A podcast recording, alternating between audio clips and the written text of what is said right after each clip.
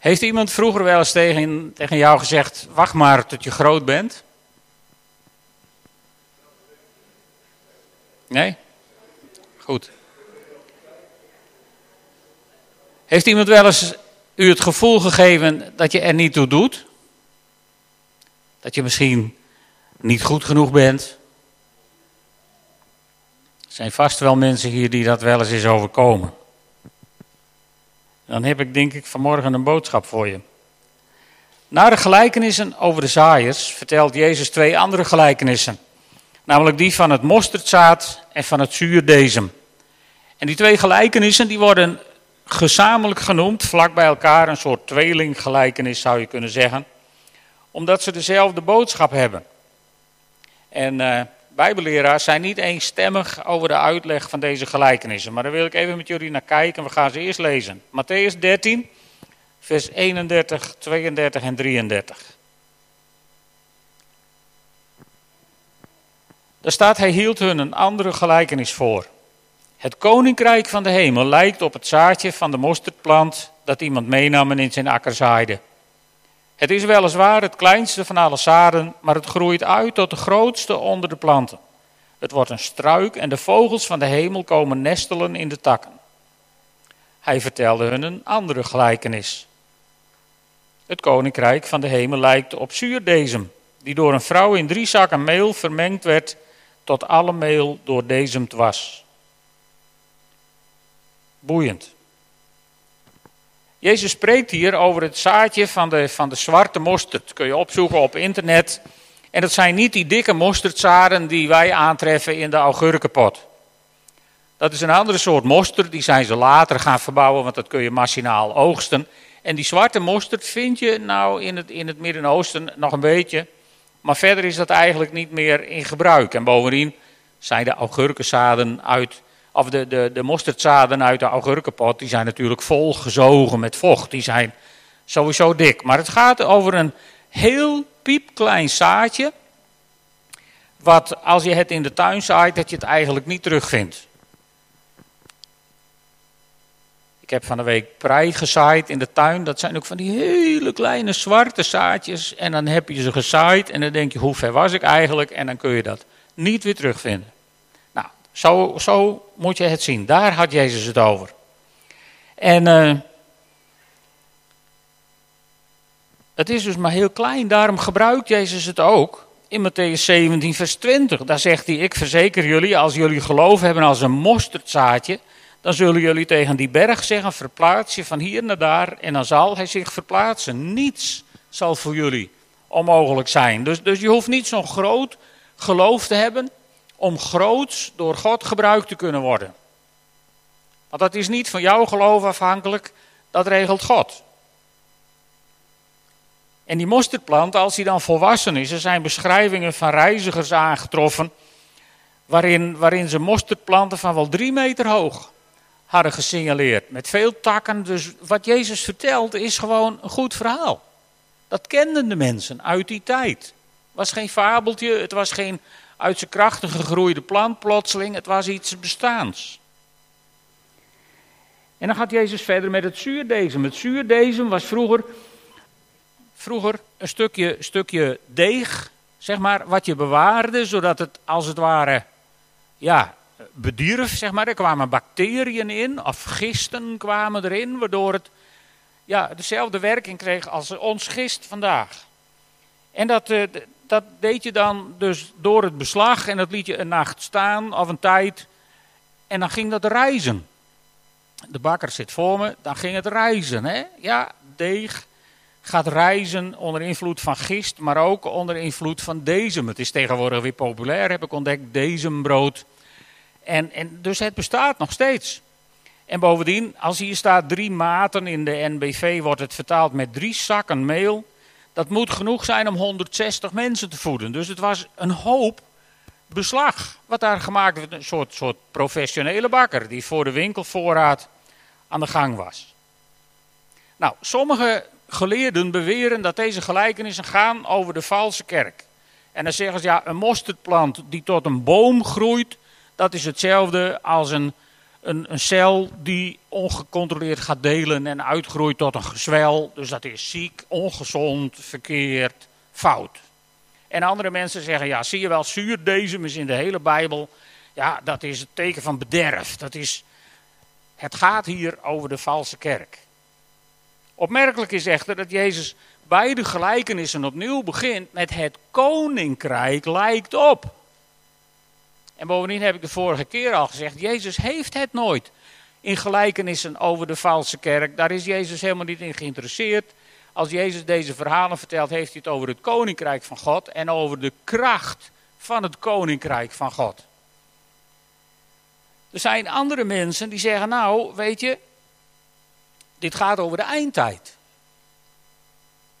Want uh, het begint heel klein, heel nietig en het wordt heel groot. En dan vergelijken ze dat met die tekst uit Daniel 2, waar, waar Daniel ziet hoe een steen losraakte zonder dat er een mensenhand aan te pas kwam. Hoe de steen tegen de ijzeren en leme voeten van het beeld sloeg en ze verbrijzelde. Op hetzelfde ogenblik verpulverde het ijzer, het leem, het brons, het zilver, het goud. Het werd als kou op een dorsvloer in de zomer. De wind voerde het mee totdat er geen spoor meer van was te vinden. Maar de steen die tegen het beeld was geslagen werd een hoge berg die de hele aarde bedekte. Ook dit is zo'n profetie over het koninkrijk van God.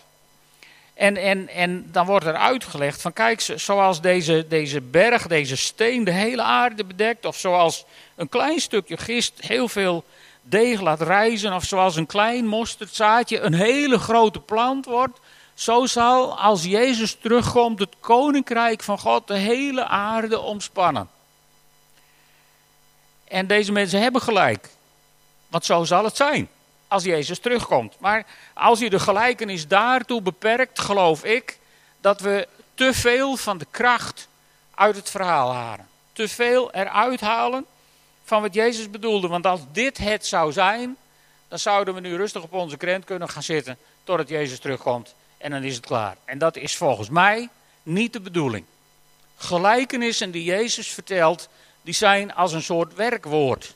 Er is altijd werk aan de winkel in een, in een gelijkenis van Jezus. En daar wil ik met jullie even naar kijken. Wat de uitleg die mij het meeste aanspreekt is bijvoorbeeld deze.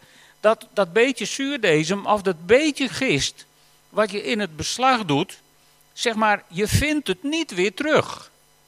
Als je een plakje brood snijdt, dan kun je daar niet met een vergrootglas bij zitten van waar zou het gist zitten. Dat zie je niet weer. Maar het heeft wel zijn werk gedaan in het verborgene, als het ware, zonder dat iemand het ziet, heeft dat dat brood doen rijzen. En hetzelfde is als je een, een, een klein zaadje in de tuin zaait. Je zou het elke dag op kunnen graven om te kijken of het al wat doet, maar dan wordt het niks. Je moet dat gewoon in het verborgene zijn gang laten gaan. En op een gegeven moment gaat het groeien en gebeurt er wat mee. En wordt het iets zichtbaars. Ik denk dat Jezus het daarover heeft, over de kracht van het evangelie van God. In een mensenleven en in een maatschappij, maar ook over de kracht van een individuele gelovige op de plek waar God jou gesteld heeft. Ook daar heb je je invloed. En, en, en toch, bedoel de mensen die zeggen, ja, zuurdezem. Zuurdezem is in het begin van de Bijbel niet populair. Want na de uittocht uit Egypte, daar zegt Jezus dat ze paascha moeten vieren met ongedezemd brood. Er mag geen zuurdezem in zitten. En dat heeft een symbolische betekenis. Waarom is dat zo? Omdat dat zuurdezem waar ze dat brood mee zouden moeten bakken, dat was een vrucht van Egypte. En er mocht na de uittocht uit Egypte niets van Egypte overblijven. Dus moest je nieuw beginnen. Met ongedezemd brood. Maar na het paascha was er weer een stukje deeg over van, van gisteren. En kon je gewoon weer verder gaan. Het was als het ware een knip in de tijd. En zo, zo kan er, als het goed is, in jouw leven ook een knip in de tijd zitten. Want ook in ons mag geen gist, geen zuurdezem, geen restje achterblijven van ons leven voordat we met Jezus op pad gingen in het leven nadat we met Jezus op pad zijn gegaan. Dat maakt Paulus ook duidelijk in 2 Korinthe 5, vers 17, waar hij zegt: Daarom is iemand die één met Christus is, een nieuwe schepping. Het oude is voorbij, daar zit geen oud zuurdesem meer in, het nieuwe is gekomen. En daarom is het ook, ook zo ongelooflijk belangrijk, als je in het koninkrijk van God wilt leven, dat die oude mens, dat die eerst sterft en begraven wordt. We zijn langzaam maar zeker op weg naar Pasen.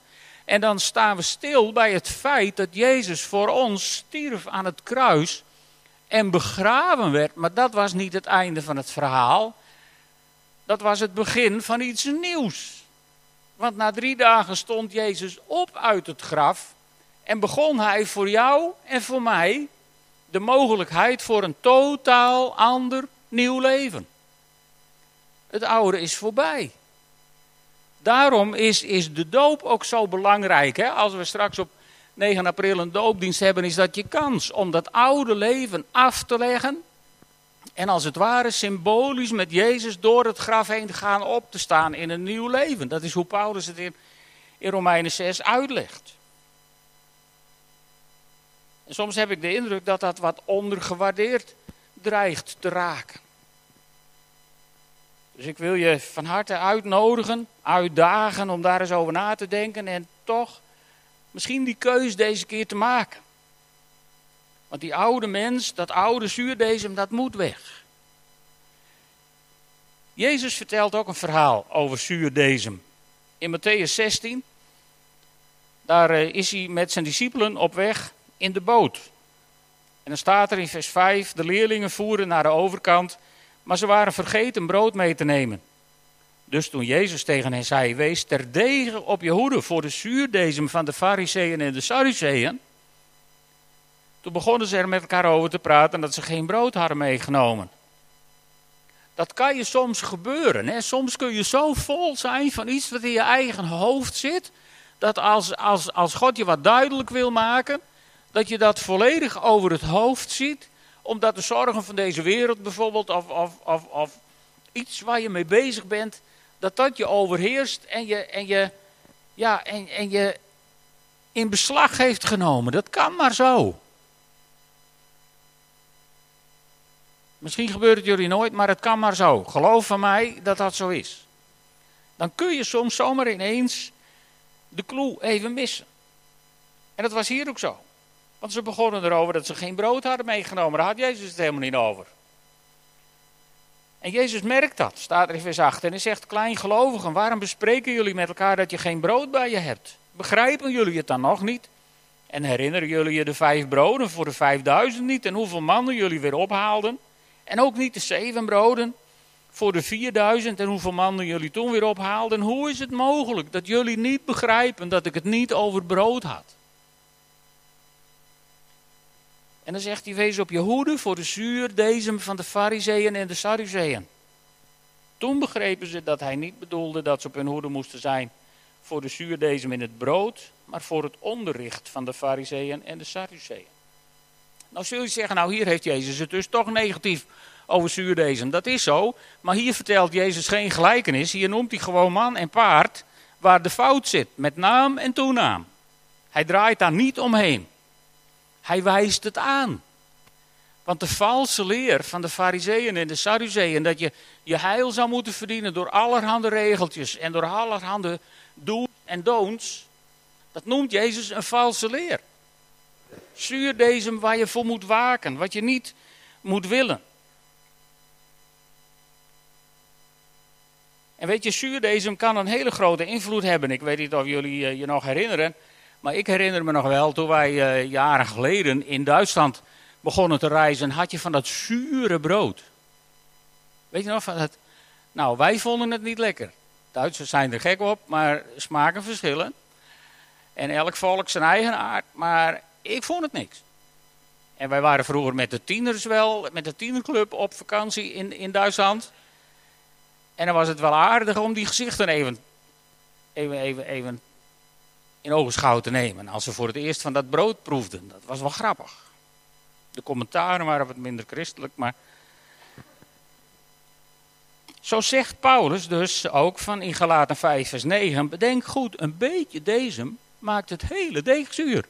En ook daar heeft hij het over de dwaalleer die binnensloop in de kerk. Je hoeft niet een hele grote dwaalleer om een hele grote kerk te bederven. Dat kan met een heel klein beetje. Dus het is een grote invloed. Maar er is ook een goede toepassing van het zuurdezem. Er staat een heel mooi verhaal, eigenlijk in het begin van de Bijbel, in Leviticus 23. Dan moet Mozes tegen de Israëlieten zeggen: Wanneer jullie eenmaal in het land zijn, dat ik jullie zal geven, en je daar de oogst binnenhaalt, dan moeten jullie de eerste schoof van je gerstenoogst naar de priester brengen. Dus dan hebben we het niet over het gedorste graan, we hebben het over de eerste schoof, direct vers na het maaien. Die eerste schoof moet je naar de priester brengen. En de priester moet die schoof ten overstaan van de Heer omhoog heffen, opdat hij als offer zal worden aanvaard. En de priester moet die schoof omhoog heffen op de dag na de Shabbat. En welke dag hebben we het hier over? Paaszondag. Op die dag, daar gaat dit verhaal over. Dus op de, wat voor ons de paaszondag is geworden, moest de priester de eerste schoof van de oogst opheffen voor God. En Paulus verbindt dat aan Jezus Christus in Colossensen 1 vers 18, waar hij zegt, hij is het hoofd van het lichaam, de kerk. De oorsprong is hij, de eerstgeborene van de doden, om in alles de eerste te zijn. Dus de eerste schoof, Jezus Christus. En dan staat er in vers 16 van Leviticus 23, dat ze dus een tijd moeten nemen tot de dag na de zevende Shabbat. Vijftig dagen moeten jullie aftellen. En dan moeten jullie de Heer een graanoffer brengen uit die nieuwe tarweoogst. Jullie moeten dan uit je woonplaats brood meenemen om het voor de Heer omhoog te heffen. Twee broden van twee tiende eva tarwebloem met zuurdezem gebakken. Als gave voor de Heer uit de eerste opbrengst van de nieuwe oogst. En over welke dag hebben we het dan? Over Pinksterzondag, de uitstorting van de Heilige Geest. Ja, en daar is het dezem, dus het, het, de gistende werk, is een prachtig beeld van de Heilige Geest. Met Pasen gedenken we de eerst, de eerstgeborene uit de doden, de eerste die opstond uit de doden. En met Pinkster, dan zijn wij de oogst vol van de Heilige Geest, doortrokken van de Heilige Geest, mogen wij dan aan God worden aangeboden. En dan wil God geen ongezuurd brood, dan wil hij gewoon lekker gerezen brood. Alsof God zegt, ik wil bolletje. Maar het merk doet er niet toe. God wil daar het verse brood van de oogst zien. En ik geloof dat dat het beeld is van de Heilige Geest. En net als gist in brood zie je de Heilige Geest niet, maar zijn werking is onmiskenbaar, onmiskenbaar. Ben jij zo iemand die de geest van God toelaat in heel je leven? Begint jouw dag s ochtends met God en eindigt jouw dag s'avonds met God? Als het niet zo is, wat ga je daar dan aan doen de komende tijd? En als het wel zo is, wat gaan we daar als gemeente dan van merken? Want je ziet het gist misschien niet. Het doet ongemerkt wel zijn werk. Het maakt zelfs zichtbaar doet het zijn werk. Hè? Je kunt niet s morgens kijken in het beslag. Tenminste, ik stel me voor dat de bakker als die s'morgens in het beslag kijkt, niet denkt van nou, geen idee of het gist wat gedaan heeft. Dat kun je zien. Want het is veel meer geworden dan het was. Het is groter geworden, het is mooi luchtig geworden. Het is van dat spul geworden waar een pizzabakker gewoon mee ronddraait op zijn vinger. Hè. Ik zit er dan helemaal onder, maar de pizzabakker die kan dat. Het doet iets. Er gebeuren dingen. En dat blijft niet onopgemerkt. De geest in jou kan niet onopgemerkt blijven. Als jij vindt dat de geest van God in jou woont. En, en, en eh, ik denk dat verschillende van jullie hebben meegezongen. En niet alleen die mensen hier op het podium, maar jullie hebben ook gezongen. I am yours. I am yours. Heb je daar überhaupt bij nagedacht wat je toen stond te zingen? Of dacht je van, nou ja, ik zing maar mee, want dat hoort hier zo. Ik heb wel gezegd, er wordt zelden zo gelogen als tijdens het zingen in de kerk. Want wij zingen, ik hef mijn handen op. En wij zingen over dat we dansen voor de Heer stijf op onze stoel. En zo zingen we nog wel meer dingen. Je moet voor de aardigheid maar eens opletten wat je zingt. I am yours. Meende je dat nou? Meende je dat nou werkelijk serieus toen je dat zong? I am yours. Dan woont de geest van God in jou als je dat zingt, als je dat hebt gezegd. Dan gist het in jou nu. Dan ga je reizen, ongemerkt, nog ongezien, nog, maar niet zo lang. Dan moet het merkbaar worden in jouw omgeving. Dan moeten we daar als gemeente dingen van gaan zien. Zouden we daar op 9 april ook dingen van moeten gaan zien. Maar goed, ik ga niet verder duwen. We zouden er iets van moeten merken. En wat ons het meeste tegenhoudt, dat is dat we te klein denken. En, en, en ik denk dat, ik, ja, ik geloof dat we, we denken echt niet te klein van God. De meeste van ons zijn er wel van overtuigd dat God tot grote dingen in staat is. Maar waar het dan begint te twijfelen, is dat God die grote dingen kan gaan doen door, door jou. Door een van ons. I am yours. Oh, je moet je nek maar durven uitsteken. Het is ook, het is ook niet zonder risico. En daarom wil ik, ik wil jullie bemoedigen met iets wat me vorige week is overkomen. Ik zal het zo anoniem mogelijk houden, zodat de preek rustig op internet gezet kan worden. Maar we hadden vroeger een broeder in onze gemeente die heel vaak een woord van God uitsprak. En velen van jullie zaten dan met kromme tenen, met je stekels recht overeind, van de heb je hem weer. En ik herinner me een dag dat hier een profetie werd uitgesproken over een vrouw die zwanger zou zijn van een tweeling. En moeilijk, moeilijk, moeilijk. En het zou allemaal goed komen aan het eind. Ik heb een cirkeltje in mijn agenda gezet. En gedacht binnen negen maanden weten we of het klopt. Geen tweeling. En, en, en die broeder die heeft het nodige over zich heen gekregen. Vorige week, vrijdag, sprak ik bij de Noordermannen. En na de dienst komt er in Veenklooster een man naast me zitten. Hij zegt, bent u de voorganger van die gemeente aan de Brouwersingel? Ik zei, ja, dat ben ik. Nou, hij zegt, ik, had een schoon, of ik heb een schoonzusje. En die woonde ooit in Drachten. En die was een keer bij jullie in de dienst. Ze was zwanger van een drieling en daar was ze één van kwijtgeraakt. En, en, en die andere twee, dat was allemaal heel kiele, kiele spannend en moeilijk, moeilijk, moeilijk. En een hoop omstandigheden eromheen ook niet. En toen ging er zomaar iemand staan tijdens het bidden. En die zei, mijn dochter, je bent zwanger van een tweeling. En die noemde nog een aantal dingen waar mijn schoonzusje mee zat. En mijn schoonzusje is zo aangedaan naar huis gegaan, naar de kerk. Die is nooit weer geweest. Ik zei, wat jammer. Want dat hadden we graag geweten. Maar zei, de tweeling is geboren. Met 26 weken. Dat schijnt vroeg te zijn. Ik ben nog nooit bevallen, maar dat schijnt vroeg te zijn. En een van die tweelingen heeft een hersenbloeding gehad. Vers geboren. Maar ze zijn zonder restverschijnselen volledig hersteld. Een medisch wonder, roepen de dokters. Ze wonen inmiddels eh, in een ander werelddeel, niet meer hier. Maar ik heb de foto's gezien van twee prachtige meiden van vier hier geprofiteerd. En hier bemoedigd.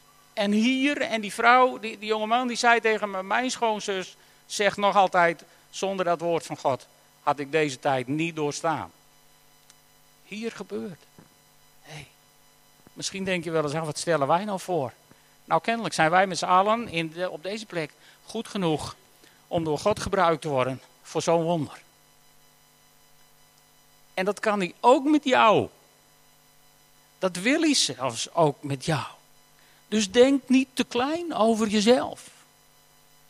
En vergeet alsjeblieft wat mensen ooit over je hebben gezegd: dat je misschien niet geestelijk genoeg bent, of niet dit genoeg, of niet dat genoeg. Vergeet het.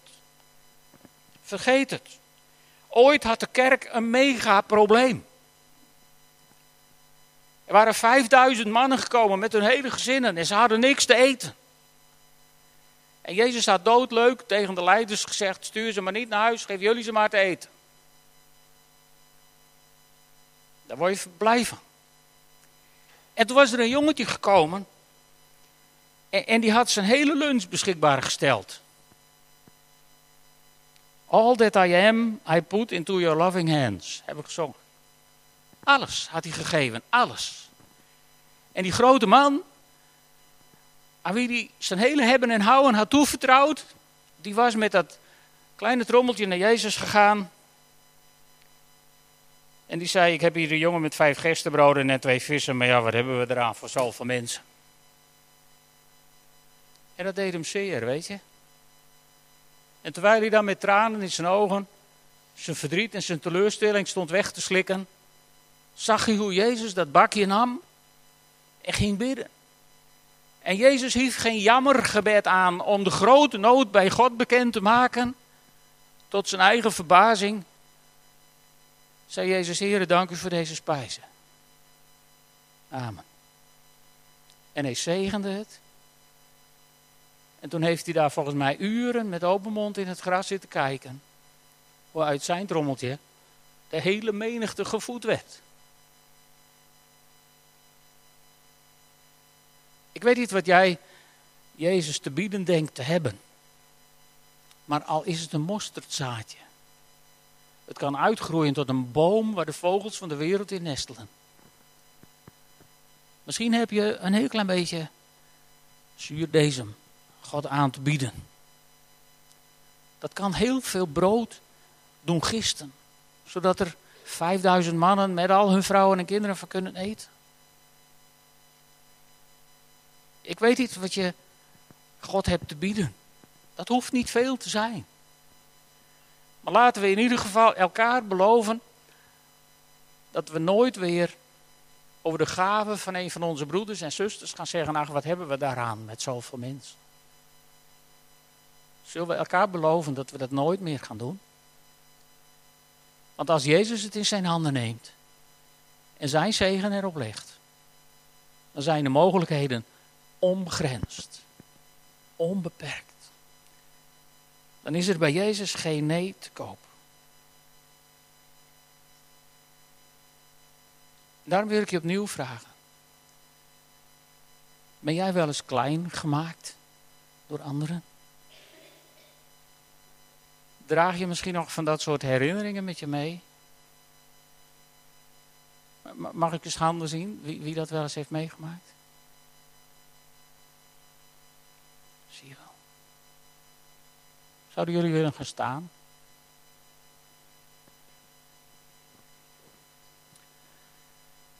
Misschien willen andere mensen in de buurt gaan staan en, en deze mensen een hand op de schouder leggen.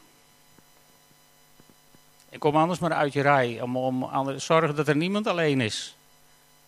Zorg dat er niemand alleen is. Ja, hier staan nog meer mensen waar niemand bij is. Kom eens. Denk niet dat jouw bijdrage te klein is, ook jij kunt zegenen. Vader in de hemel, u weet hoe we elkaar soms hebben bezeerd, soms hebben beschadigd. U weet, o God, wat er over sommigen van ons is uitgesproken. En in de naam van Jezus Christus verbreek ik al deze woorden. En spreek ik genezing uit over alle wonden die daardoor zijn ontstaan. Ik spreek genezing uit over alle schade die dat heeft aangericht. En ik bid om een, een diepe aanraking in uw Heilige Geest, Heer, voor, ja, voor ons allemaal. Want ik denk, als we heel eerlijk zijn, dat we allemaal dit soort ervaringen hebben, Heer. Genees ons van elke negativiteit. Laat uw geest waaien, Heer, en geef ons, geef ons een tijd op weg naar Pinkster. Heer, waarin het gist van uw Heilige Geest in ons zal reizen en zal reizen en zal reizen tot zegen Tot zegen voor onze gezinnen, tot zegen voor onze buren, tot zegen voor onze collega's op het werk, tot zegen voor ieder mens die we de komende tijd gaan bereiken en gaan ontmoeten. Heere, zo zegen ik wat u doet. Zo zegen ik wat u doet. Heere, u bent geweldig. U bent geweldig en all that I am, I lay into your loving hands. Alles wat ik ben, alles wat ik heb, I am yours. Halleluja. Amen.